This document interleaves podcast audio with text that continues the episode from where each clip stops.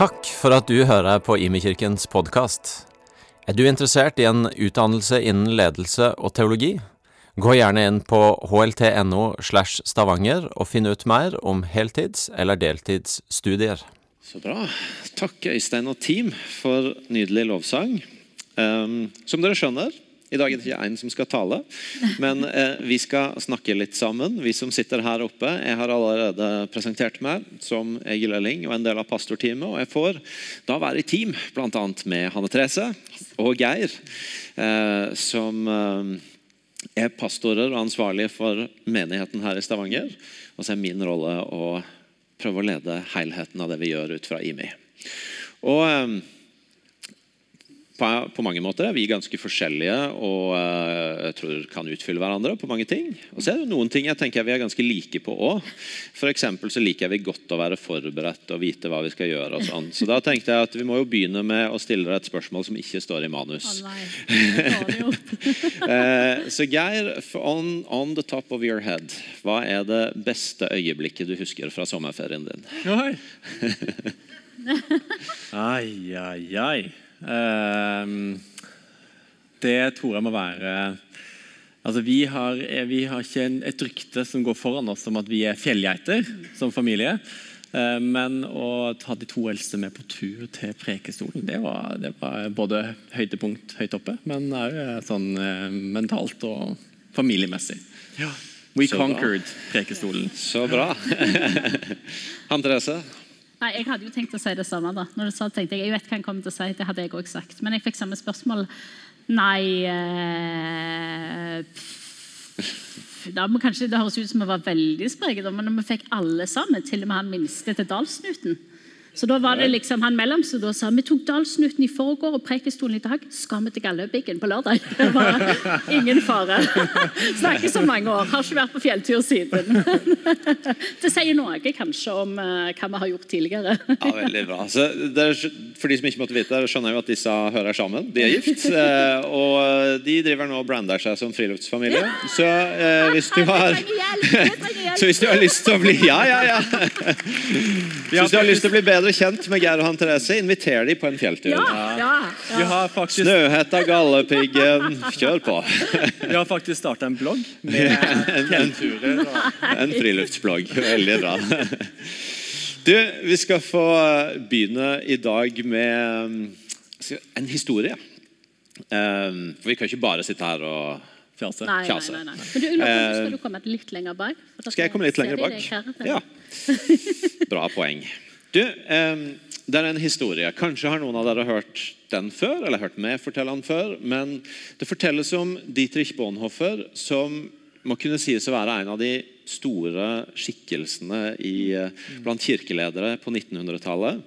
Han eh, levde jo før og under andre verdenskrig i eh, Tyskland.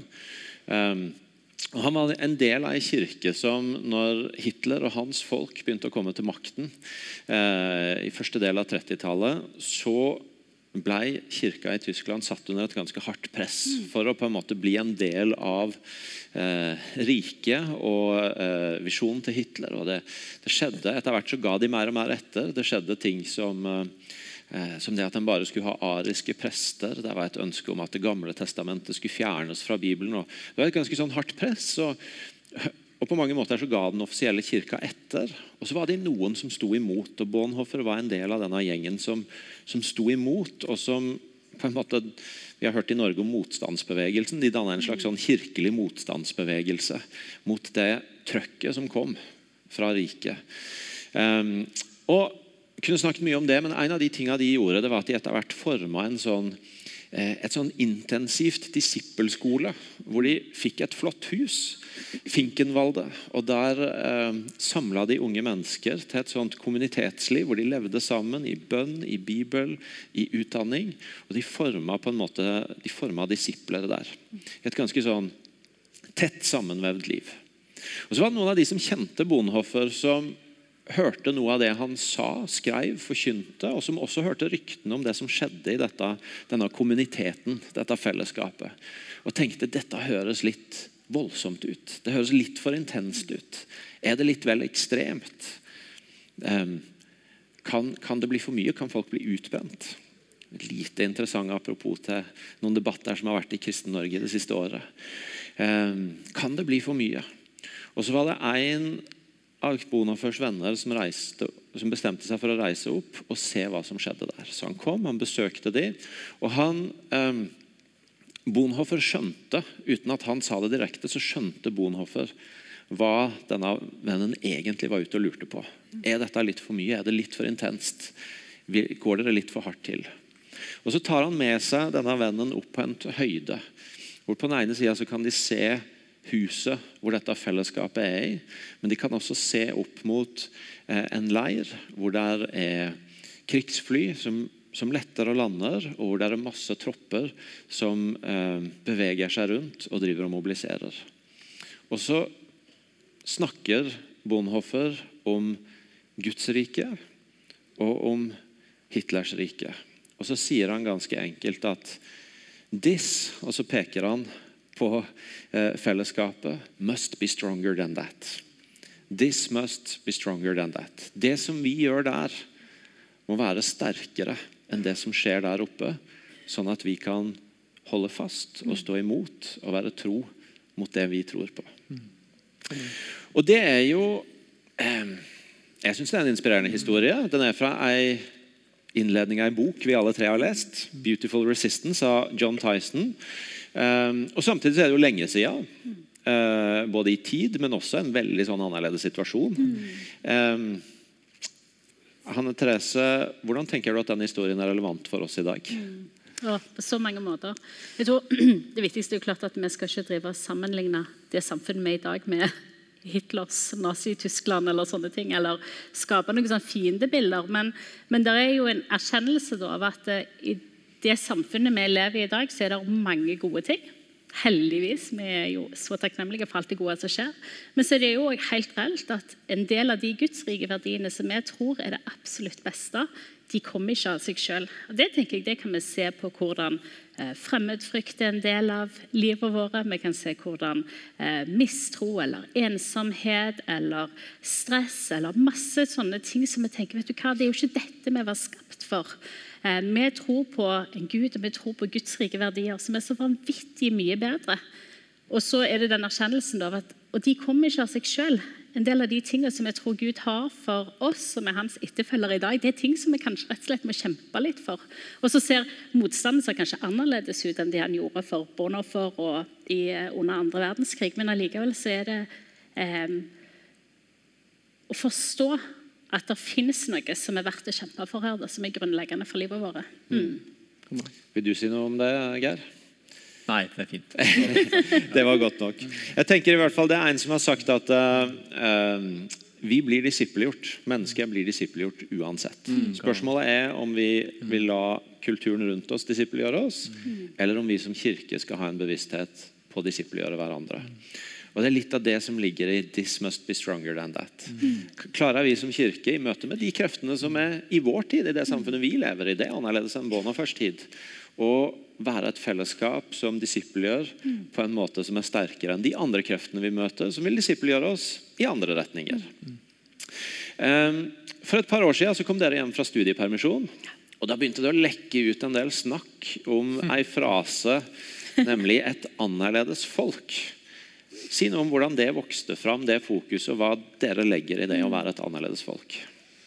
Altså det var I fjor eh, vår så var vi seks-syv uker i Greenville i South Carolina. og Da var vi og besøkte en menighet som var, den var helt nyoppstarta. Så det var ikke det at det var sånn veldig mange ting de gjorde som vi var med på, men det var et veldig inspirerende miljø å være i uansett. Men, men det betyr at vi leste en del, hørte en del som fikk prege oss på, på annet vis.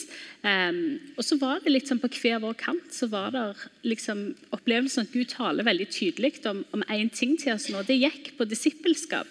Uh, og jeg hørte spesielt en tale av uh, faktisk samme mann som du refererte til nå, John Tyson, hvor han hadde en podkast hvor han snakket om eh, kontroversielle disipler fordi vi følger en kontroversiell Jesus. Og så var ikke Poenget i den talen at en må være mest mulig kontroversiell, men det handler om at eh, vi som disipler vi, vi følger etter en annerledes konge. og Det betyr at vi ser livet vårt ser annerledes ut. Og hvis ikke livet vårt ser annerledes ut enn det samfunnet vi er en del av, så er det et eller annet, en type mismatch da, mellom hvem vi følger etter, og, og hvem vi er. Så har det vært litt som en sånn eh, frase som eh, vi har hørt fra Marita Vosso, som er en del av menigheten her, som har vokst opp med eh, i en liten bygd i, eh, eller på Sunnmøre. Eh, hvor de, de, deres familie var en av de få kristne familiene der. Og hvor mora stadig vekk sier dette nesten mantraet om at vi er et annerledes folk. Som en forklaring på hvorfor, hvorfor kunne ikke hun gjøre akkurat sånn som alle de andre. eller Hvorfor, hvorfor skulle det være annerledes enn de? Nei, men vi er et annerledes folk. Og Den strofa der har liksom hengt med med, eh, med, med, og med oss eh, siden vi har hørt den.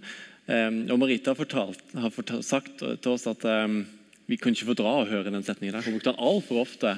Eh, og Det var en sånn unnskyldning. Eh, og Samtidig, så når hun ble eldre, så kunne hun se verdien av det og se, se altså, mulighetene i det. Og Jeg, jeg tror at eh, vi som kristne òg trenger å eie identiteten om at vi er Guds barn. Vi tilhører en annen konge, et annet kongerike, hvor det er noen andre Guds rike verdier.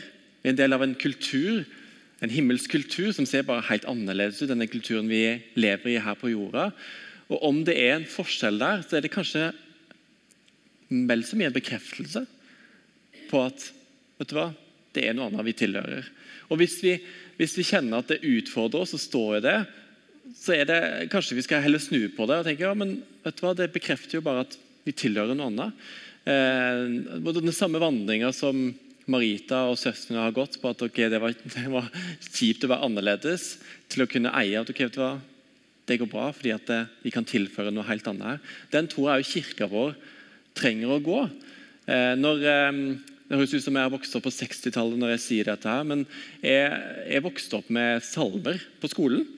Eh, rundt 20 år siden eh, gikk jeg på ungdomsskolen. Jeg husker at vi, vi kunne synge salmer i klasserommet som en del, ikke bare KRL-E eller KRL-timen, eller kristendomstimene, men, men ellers. Jeg husker et sånn tragisk tilfelle hvor ble klassen, klassen ble samla.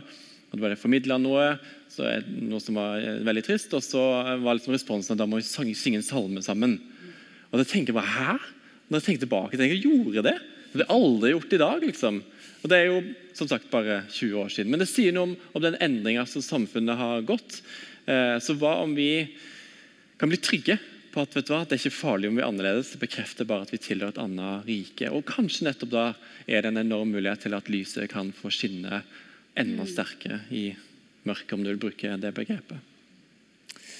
husker jeg selv, jeg har vært eh, deltidsstudent på BI eh, i et par år i det siste. og der, eh, Det er jo alltid litt sånn spennende hvordan en skal tolke tilbakemeldinger. for Der husker jeg særlig en samtale jeg satt i hvor jeg veldig sånn tydelig fikk en sånn historie på mye rart en syntes det hadde vært med kristne. Men du, du er jo ganske normal. Så tenkte jeg bare inni meg Å, du skulle bare visst du. du skulle bare visst hvor mye rart jeg driver med. og så er det litt den, det er fint å kunne ufarliggjøre en del ting, og så er det samtidig noe med å eie at det er en annerledeshet, og den er meint å være der. Så det har vært dette med å være annerledes. og så Det siste året så har vi opplevd at det fra mange hold har kommet input som handler om å sette et fokus på Jesus. Martin åpna dette året med å forkynne her eh, etter å ha vært i stillhet og søkt Gud. Dette skal være et Jesusår. Men så har vi også opplevd for eksempel i lovsangsettinger at uten at det har vært planlagt, så, har, så er det som om Den hellige ånd har pensa inn på denne gamle, litt sånn, gamle slageren i lovsangssettinger. I'm coming back to the heart of worship, where it's all about you. It's all about you, Jesus. Og som jeg gjerne har sagt her før, Det kan føles litt sånn Selvfølgelig skal det handle om Jesus i kirka. Og Samtidig så er det ganske lett at det kan Ja, det handler om Jesus, men det handler om mange ting også. Og så har det vært som om det er en sånn tilskyndelse fra Den hellige ånd til at det er tid for å skarpstille fokuset inn mot at det er Jesus. Det er han vi må feste blikket på, det er han vi må ta kua våre fra, det er han vi må formes av. Og I dag er det visjonssøndag. og Jeg vet ikke hva du forventer når du hører at det er visjonssøndag. Om du forventer at nå skal det presenteres planer for det neste året eller to, eller nå skal vi si hva vi skal utrette, eller noe sånt. Det, det er det ikke vi skal i dag. Men det vi ønsker, er å si noe om hva skal være fokuset vårt de neste to åra dere som er, har vært i IMI en stund, vet at det å planlegge to år av gangen i IMI, det er fryktelig lenge. For vi bruker å være ganske sånn spontane og fleksible. Men vi har i hvert fall prøvd oss på en toårsplan. Eh, for noe vi tror dette skal og så er ikke Poenget bare at vi skal snakke om det, men dette skal få lov til å forme oss i de neste to åra. Overskriften på det det er altså 'Re Jesus'. Eh, og det Re Jesus Noen tenker kanskje åpenbart, andre er litt sånn OK, hva betyr det? Så kan ikke dere forklare hva, hva er det Jesus? Hva betyr det? Ja, altså Vi eh, må jo innrømme at vi er tjuvradder hele gjengen her og stjålet det begrepet fra en boktittel til en god venn av eh, huset her. Han heter Alan Hirsch. Han skrev en bok som heter Re Jesus sammen med Michael Frost. Kjempeflott bok. Um, og når vi har snakka litt om dette begrepet, så er det litt forskjellige ting som dukker opp hos folk. Jeg synes det er litt kjekt at det liksom ikke, at det er litt forskjellige bilder, og vi kan leve litt og finne ut av hva det er for noe. Noen tenker liksom re som 'regarding Jesus', eller re som en respons eller svar på Jesus. sånne ting. Men re er en uh, forstavelse på et ord som uh, kan forstås som 'tilbake til', eller 'på ny', eller 'igjen'. Eh, og Det er jo det, nettopp det vi vil. Vi vil, vi vil tilbake til Jesus. Eh, vi vil fokusere på han, vi vil at han skal være sentrum. Eh, også, og kanskje også, Hvis vi har litt sånn bilder av Jesus og kristenlivet, at det er, at det er litt sånn at det har vært litt sånn samme ulla, eller at vi, er, vi, er sånn, vi, har plassert Jesus i en boks, sånne ting, så kan vi i denne fasen øve oss på å være nysgjerrige på å finne mer ut av hvem Jesus er. For det er alltid mer å oppdage. Han er alltid større. Eh, så det er muligheter for å se på ny. Hvem er det han er? Hvordan ser det ut? Og, og um, hvem ser han ut som? Og hvordan ser det ut at Jesus kan få plass i våre liv? Så kort fortalt. Mm. Re Jesus. Og Dette handler også litt om at Jesus er mer enn en venn. Dere har begge nå brukt ord som konge og kongerike. Uh, og et av ordene som brukes i Bibelen om Jesus, er jo at han er herre. Mm. Eh, kan du Han Therese, si litt om hva det betyr, og hvordan det utfordrer? Eh, absolutt. Jeg, jeg, tror det utfordrer. Jeg tror det utfordres kanskje spesielt oss som er i, i, vår tid i forhold til at det, liksom, Herre kan, kanskje blir nesten litt sånn uord. Sant? Vi liker å være autonome mennesker som bestemmer selv og tar ansvar selv for hva som skjer. Og, eh, og, det å sette noen andre som sentrum, eller kanskje til og med premissleverandør, er litt sånn hva, hva er dette her for noe? Men, eh, men, jeg tror det er umulig å lese liksom, evangeliene og lese at Jesus kalles til å være etterfølgere, uten at det betyr at han er herre, at han er sentrum, som Geir akkurat sa. Det, det, er, måte, det er, han vi følger etter. Da. Så tror jeg jo at det er langt ifra et uord. Jeg tror det er en helt vanvittig frihet hvis det er faktisk det han får, får være. Men, men, jeg tror det er en sånn en, en, en trenger en stadig sånn rekalibrering. Da, av at å ja, stemmer det, Jesus. Du er ikke bare venn som jeg går ved sida av, eller en rådgiver som jeg lytter til. Men du, du, er jo faktisk her. Du er faktisk sentrum. Og det må få konsekvenser for hvordan livet mitt ser ut. Ja. Og Jesus sier jo om seg sjøl i Johannes 8,12 at han er veien, sannheten og livet. Han er, han er veien vi går på. Men han er sannheten vi skal få holde fast på. Og Han er livet. og vi tror at Ved å gå på han som veien, og ved å holde fast i sannheten hans, så finner vi også fram til et liv som kanskje er annerledes, men som er livet. Og Jeg har lest et eh, Kirkegård-sitat denne sommeren som Søren Kirkegård, den danske filosofen som levde for lenge siden, eh, som har vært ganske utfordrende. Jeg tror eh, Det er ikke det, men det er det som kommer etterpå. Dette Christ is the truth. Eller jeg tar en oversettelse. Det er gøyere med norsk enn engelsk. Kristus er sannheten i den grad han er veien. Han som ikke følger veien, gir også avkall på sannheten. Vi holder fast på Kristi sannhet når, bare når vi imiterer han, ikke når vi spekulerer om han. Det er såpass innholdsmetta at jeg tar det en gang til. Kristus er sannheten i den grad han er veien. Den som ikke følger veien, gir også avkall på sannheten.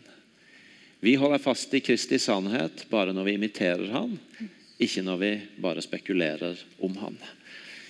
For meg, i hvert fall, som er en fyr som er glad i å lese og tenke og stå her og tale, og ofte kan være rik på ord, så er det der et utsagn som utfordrer meg ganske kraftig. Jeg kan med fordel la meg utfordre på å kanskje litt sjeldnere bare spekulere om Jesus. Og heller spørre hvordan utfordrer det meg, dette meg på å invitere han, på å la livet mitt forme av han. Og Det er jo noe av det vi ønsker. Ikke bare å snakke om Jesus i to år, men å finne en vei til at hans liv kan få forme våre liv. Og Da er vi på vei litt over i hvordan dette fokuset på re-Jesus skal se ut. Og Geir, du har med deg en bibeltekst. Faktisk så har vi allerede hørt den i films form eh, med barna, men du skal få lese den og dele noen tanker fra Lukas 6. Det er Jesus som sier dette her til disiplene sine. Hvorfor kaller dere meg Herre, Herre, og gjør ikke det jeg sier? Den som kommer til meg og hører mine ord og gjør det de sier, jeg skal vise deg hvem han ligner. Han ligner et menneske, menneske som skulle bygge et hus, og som gravde dypt og la grunnmuren på fjell. Da flommen kom, brøt elven mot huset, men kunne ikke rokke det, for det var godt bygd. Men den som hører og ikke gjør etter det, ligner et menneske som bygde huset på bakken uten grunnmur.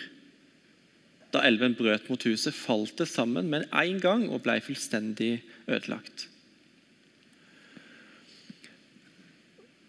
Og Det er dette her, disse begrepene 'høre' og 'gjøre' som henger så tydelig sammen, ifølge Jesus. Det, det, det er utrolig sentralt når vi snakker om dette re-Jesus-fokuset.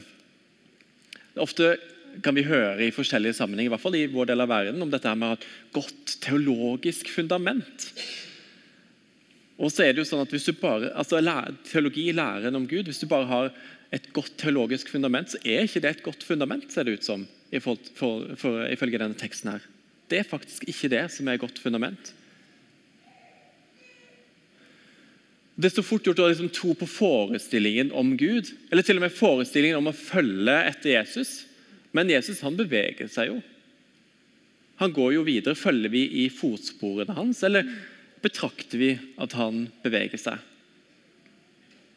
Og det, eh, Når man har vært kristen en god stund og eh, kjenner liksom til greia og hva vi tror på, sånn, så av og til kan det nesten bli litt sånn Vi har hørt det før. og ja, Kanskje til og med bli litt kjedelig. men hvis vi leser om Jesus i evangeliet, så klarer ikke jeg å finne en eneste kjedelig dag det å følge etter han. Og Det er ikke sånn at kjedsomhet er farlig, sånt, men, men, er vi i en sånn fase, så går det an å stille spørsmålet følger vi faktisk etter han.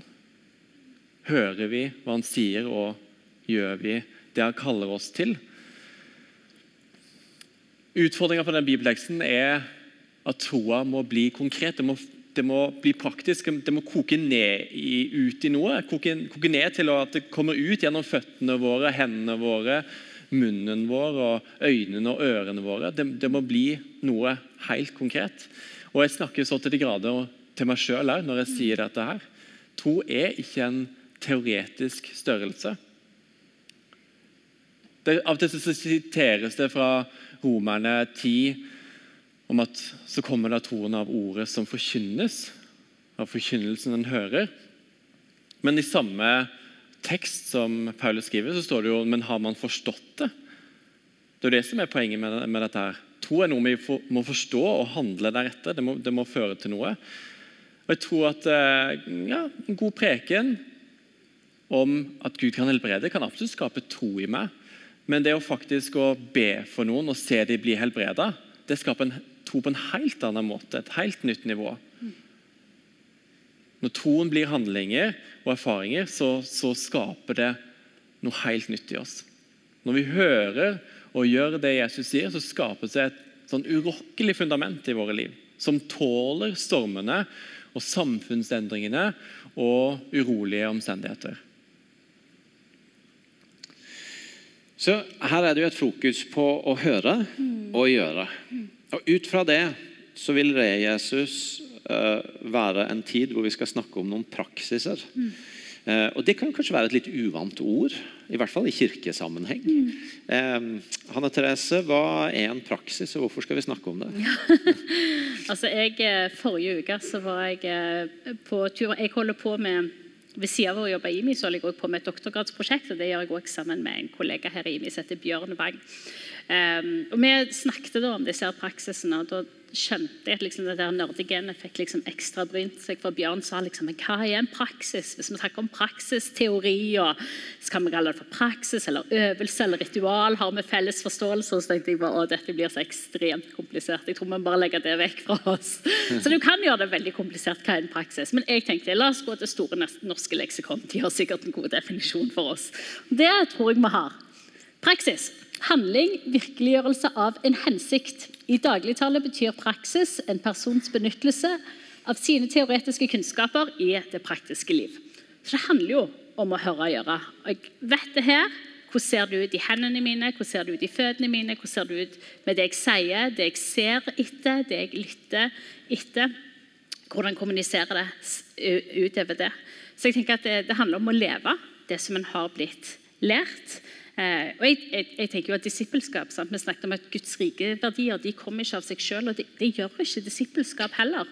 Disippelskap er, er liksom også en sånn ting som en må stadig øve seg på. stadig brynes på. Vi har en god venn som heter Gjermund. Han har et nydelig sitat som er sånn Men jeg er jo ikke ferdig ennå.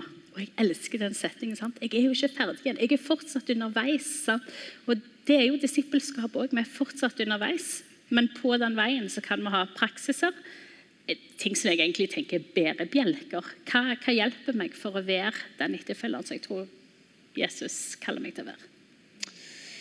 Men Geir, pastor Loftesnes. Blir det slutt på å snakke om nåde i min og da bare oppskrifter på hvordan vi skal leve? Vi toucher så vidt innom nåden på påskegudstjenesten. Nei, absolutt ikke. Eh, med dette her så er jo Jesus hele tida utgangspunktet. Mm. Altså, Vi elsker fordi han elsker oss først. Altså, det, det, er ingenting som kan gjøre oss fortjent til Guds nåde. og det er, det er, Da snakker vi fundament. Det, det, er det vi tror på. Det vi bygger vårt liv som etterfølgere av, av, Jesus på. Eh, så absolutt ikke, og vi skal snakke om det. Eh, men jeg vil si at vi òg skal erfare det. Mm. For er det ikke nettopp når vi får gå ut på vannet, høre og gjøre, og prøve å feile. At vi ser at vet du hva, dette, dette, fikk jeg ikke til. At vi ser hva nåden er for noe, og at vi trenger den, og at, at vi får ta imot den og ja, erfare den på, på, nye måter i våre liv. Så dette henger veldig tydelig sammen med nåde. Og, eh vi, og, og, sånn som du sa, vi er underveis, og vi tror jo at den hellige ånd vil gi oss alt det vi trenger.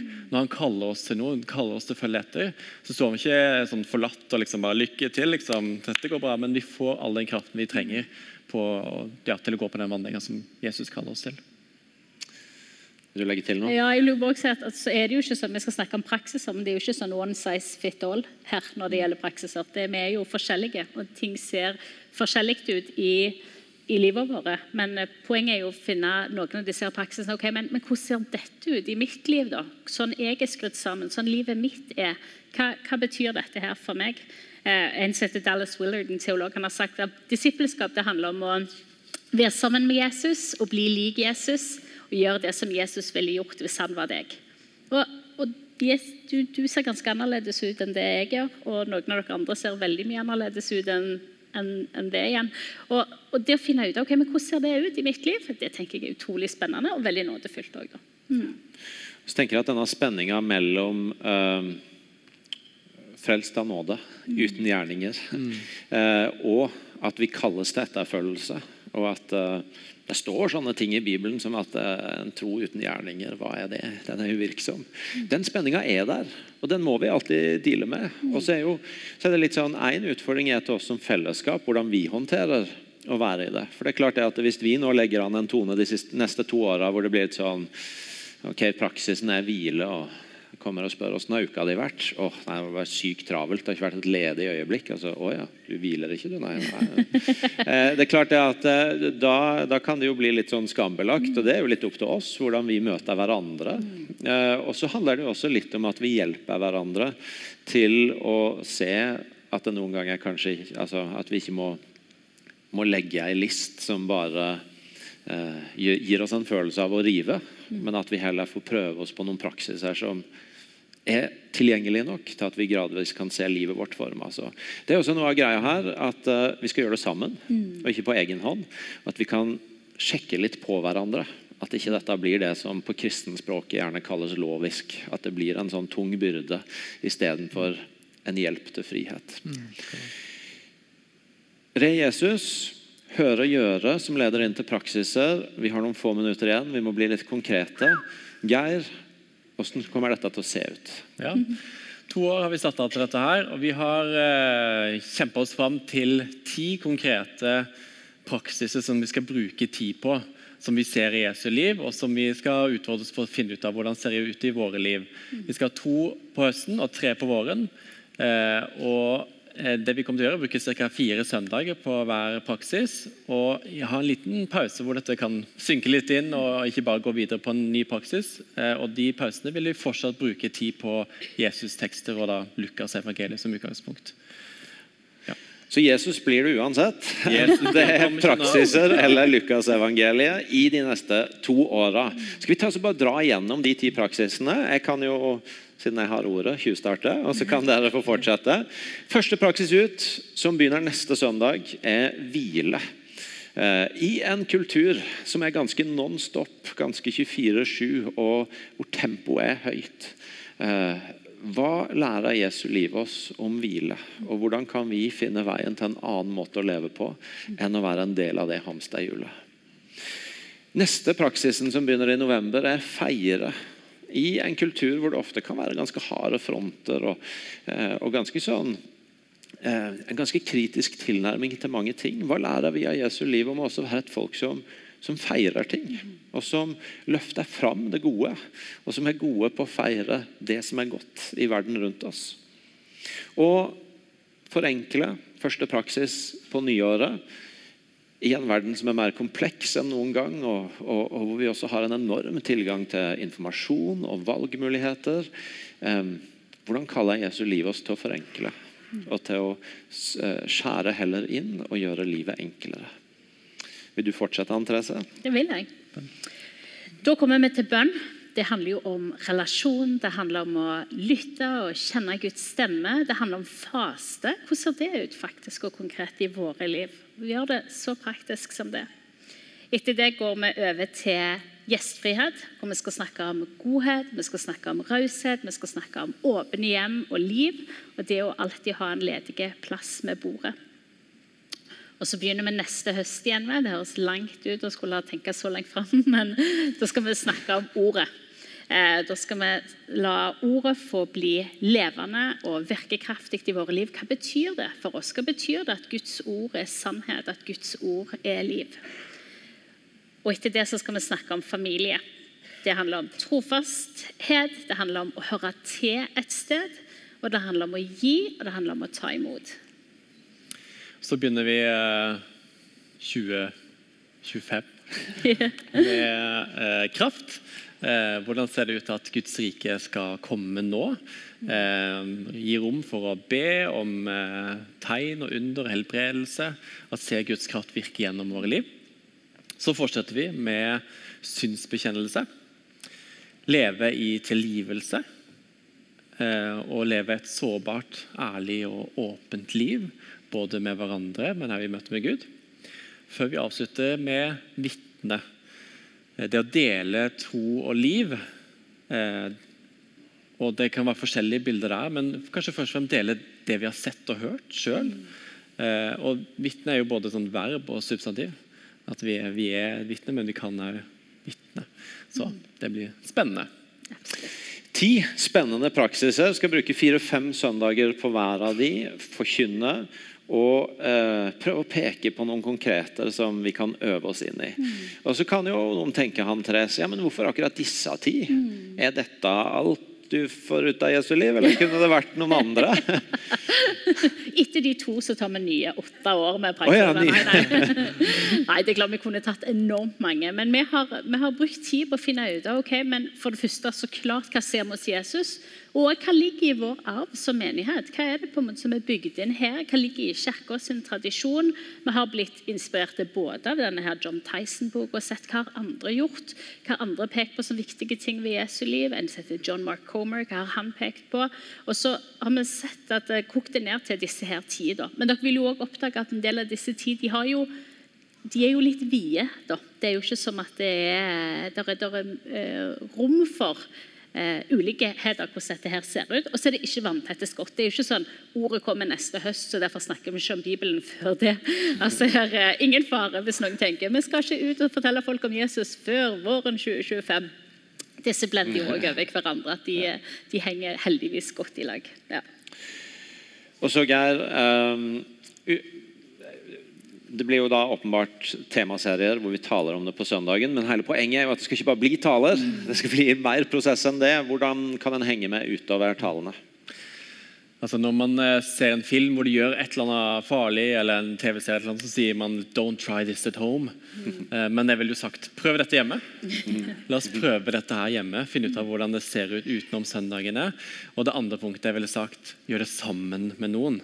Og det er kanskje Hvis jeg skulle sagt én ting som du bare tar med for denne søndagen, og kuppa det kanskje for dere to, kanskje jeg ville sagt noe annet, men det er finne ut av hvem er du skal gjøre dette sammen med. For dette her gjøres ikke alene. Eh, og Det betyr at mange av oss har huskirke eller et annet mindre fellesskap. Fantastisk. Eh, hvis du ikke har det, velkommen inn til å bli en del av det. Eh, men hvis det er andre grunner til at det ikke er tid for det, da er det, det to-tre andre du kan møte regelmessig for å snakke om hvordan kan dette her se ut. Så skal vi utarbeide et smågruppeopplegg som skal gjøres tilgjengelig for folk, eh, som kan være til hjelp eh, i det. Vi har eh, lansert en ny podkast som kom ut i dag, første episode, som heter Re Jesus. hvor det, Vi skal ha samtaler og intervjuer med folk om eh, mer om hvordan dette kan se ut i forskjellige folks liv. Eh, og vi eh, kommer til å bruke gudstjenestene og gjøre andre ting enn bare tale. som formidler disse her tingene. Og I tillegg så har vi en eh, liten slide her som gir noen sånn boktips til de av dere som ønsker å dykke litt videre inn i det. Re Jesus, Gjøre høre, som har kommet ut i bokkiosken vår, som dere finner ute i torget i kafeen etter gudstjenesten. Beautiful Resistance og Live No Lies. Det kommer flere boktips etter hvert. Um, men det er liksom noen av de tingene man kan jobbe med dette her på. Høre og gjøre, som han viste, er den boka som er på norsk, og som er veldig lettlest og tilgjengelig, og altså finnes ute i bokkiosken. Vi må lande, ja. men til slutt Hvilke forventninger har dere? Så mye forventninger. jeg har forventninger til mitt eget liv. Jeg har så forventninger til at det å få fokusere så tydelig på ting kommer til å ha så mye å si for hvordan, hvordan livet mitt ser ut framover. Det er faktisk eh, få hjelp til å stadig sette Jesus i sentrum og se på okay, hvilke praktiske konsekvenser for det. Men så har jeg vanvittige forventninger til hva det betyr når vi er en svær gjeng som går i lag på, på, dette. Og jeg tror det kommer til å få konsekvenser for den, den, byen som vi bor i. De skal få merke at her er det eh, Jesus' etterfølgere som, eh, som følger etter. Verdens beste vesen å følge etter. Mm. Mm. Jeg, eh, jeg, har blitt veldig glad i ordet 'eksperimentere'. Gleder meg til å teste ut hvordan Jesus' etterfølgelse ser ut. Kanskje gjøre noen nye ting. Eh, utfordre sjøl på eget liv.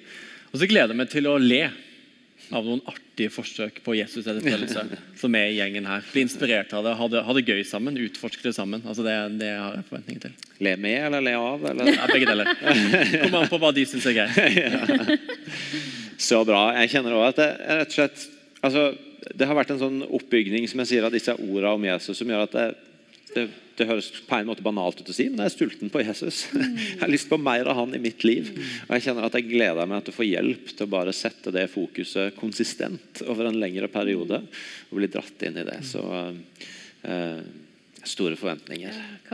Skal vi reise oss opp?